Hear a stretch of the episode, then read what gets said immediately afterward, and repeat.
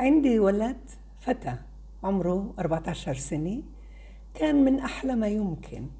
جديد صار مهمل ومش مرتب حتى أناقته بطل يهتم فيها. مش عارفة كيف أتعامل معه. حبيته هذا السؤال الحقيقة. كثير حبيته. كيف أتعامل مع مراهق؟ المراهق عندنا تعامل معاه غير كليا عن قبل لحد السبعة ثمانية سنين وتسع سنين. المراهق متأجج بطل بتقولي كيف كان هذا التأجج عنده تأجج عاطفي. أبصر إيش صدف معه مع أصحابه مع حدا بالصف مع الجيران.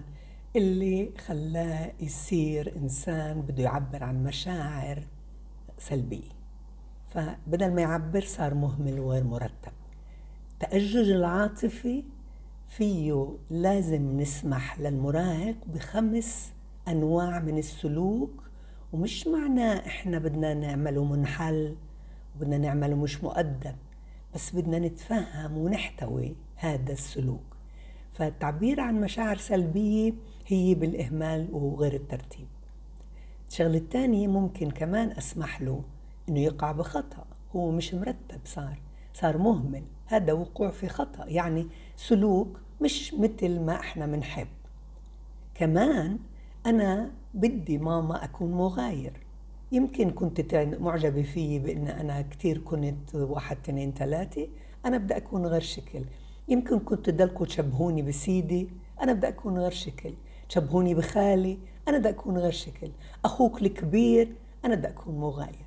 هذا بالسلوك بتعبر. بتعبر بأنه هو بده يكون مغاير لأنه متأجج مولع. تعرفوا كيف البالون اللي منفوخ؟ كم إذا بنحط عليه رأس الإبرة كيف بنفجر؟ بفقع؟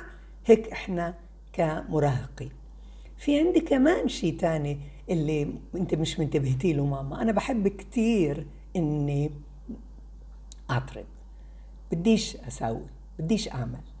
بديش أسلك مثل ما غيري بسلك السلوك هذا اللي أنت بتحبيه مثلا مرات كتير مثلا بيجي عنا خالي بدك يعني أطلع وهقعد أسلم عليه. بديش بدي اعترض هذه مش وقاحة. هذا مميزات هاي المرحلة. احتويني ماما تقبليني ماما. قولي لي بحبك. حتى لو بديش. ممكن كمان مرات كتير إنك أنت بدكم تطلعوا مثلا مشوار كلكم مع بعض وأنا بديش أشارك. بدي اعترض الاعتراض هذا جزء لا يتجزأ من مميزات مراحل نمو المراهق. بده يعترض كمان شوي بيجي عيد. بده يعايدوا. كل العيلة بدها تروح تعايد. قالت لي أم حتى قال لي بدي أروح اعيد بس بدي أروح بالبيجامة. كثير كانت صعبة على الأم. إذا أنت حاسس حالك إنك أنت لما تروح بالبيجامة بتكون مرتاح روح بالبيجامة. هسه كتار كتار أهالي بده يقولوا لي إلهام هاي قلة أدب هاي وقاحة. لا هاي مرحلة عمرية. أنا بقول لك إذا بتقولي له هيك مش رح يعمل. إذا بتكوني صادقة لما بتقولي له إذا أنت مرتاح روح. هو لحاله براجع حاله. في مرات كتير كمان بيطلب المزيد. يطلب المزيد مش بس غيران من أصحابه إنه بده يلبس شو اشترى ابن عمته شو عنده شو خاله بيت خاله كيف بعطوا اولادهن وأبوه لا. مش بس هذا كمان بده يعترض على قيم بده يعترض على مبادئ كتير بناقش كتير ممكن يناقش بالثوابت. ما تنجروا ما تنجروا وتقولوا له كفرت كفرت كفرت. هذا كفر. خليه يحكي. خليه يحكي. إن كل الوقت لما بنسمح له إنه يكون على طبيعته بصير أول إشي مش متأجج كتير بصير مش يمثل علينا بصير مش يكذب ويقولنا إشي عشان يرضينا بصير ولد طبيعي عايش في بيت اللي هذا البيت محتويه. وهنا أنتم بتفهموني كتير منيح وبعرف أنا إنه كل ما كان هالمراهق أهله متفهمين مرحلته العمرية الصعبة مثل تماما بالشهر مرة عنا مرحلة آه، آه، صعبة اللي بنتفهم حالنا. مثل تماما لما بيكون الأم حامل وعندها ظروف صعبة بتتحمل الظروف والمحيط البيئة بتحمل معها مثل تماما إذا في شخص مريض وكلياتنا بنتعاطف وبنتحمل المرض تبعه.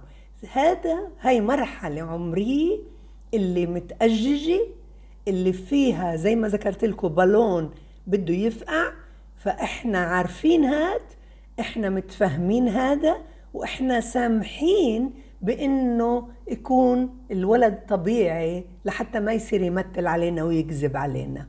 يوم ورا يوم وكثير مرات مثلا بنطيكم مثل حلو كنت أستخدمه أنا. يقول لي بدي أنا أسوق مثلا 14 سنة. ليش أنا مش مسموح لي أسوق؟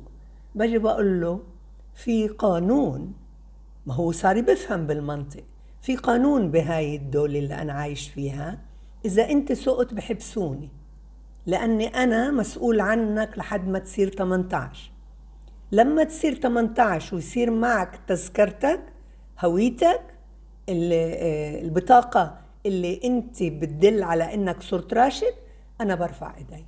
بتعرفوا من ال 14 لل 18 في أربع سنين قديش هو راح يستنى هاي اللحظة اللي فيها بده يصير 18 وبكون تعود على إنه يأجل غضبه؟ يأجل عصبيته يضبط مشاعره يصير يعرف كيف يتعامل بهالأربع سنين. بس أنت كنت منطقي معه وهو فهم المنطق تبعك.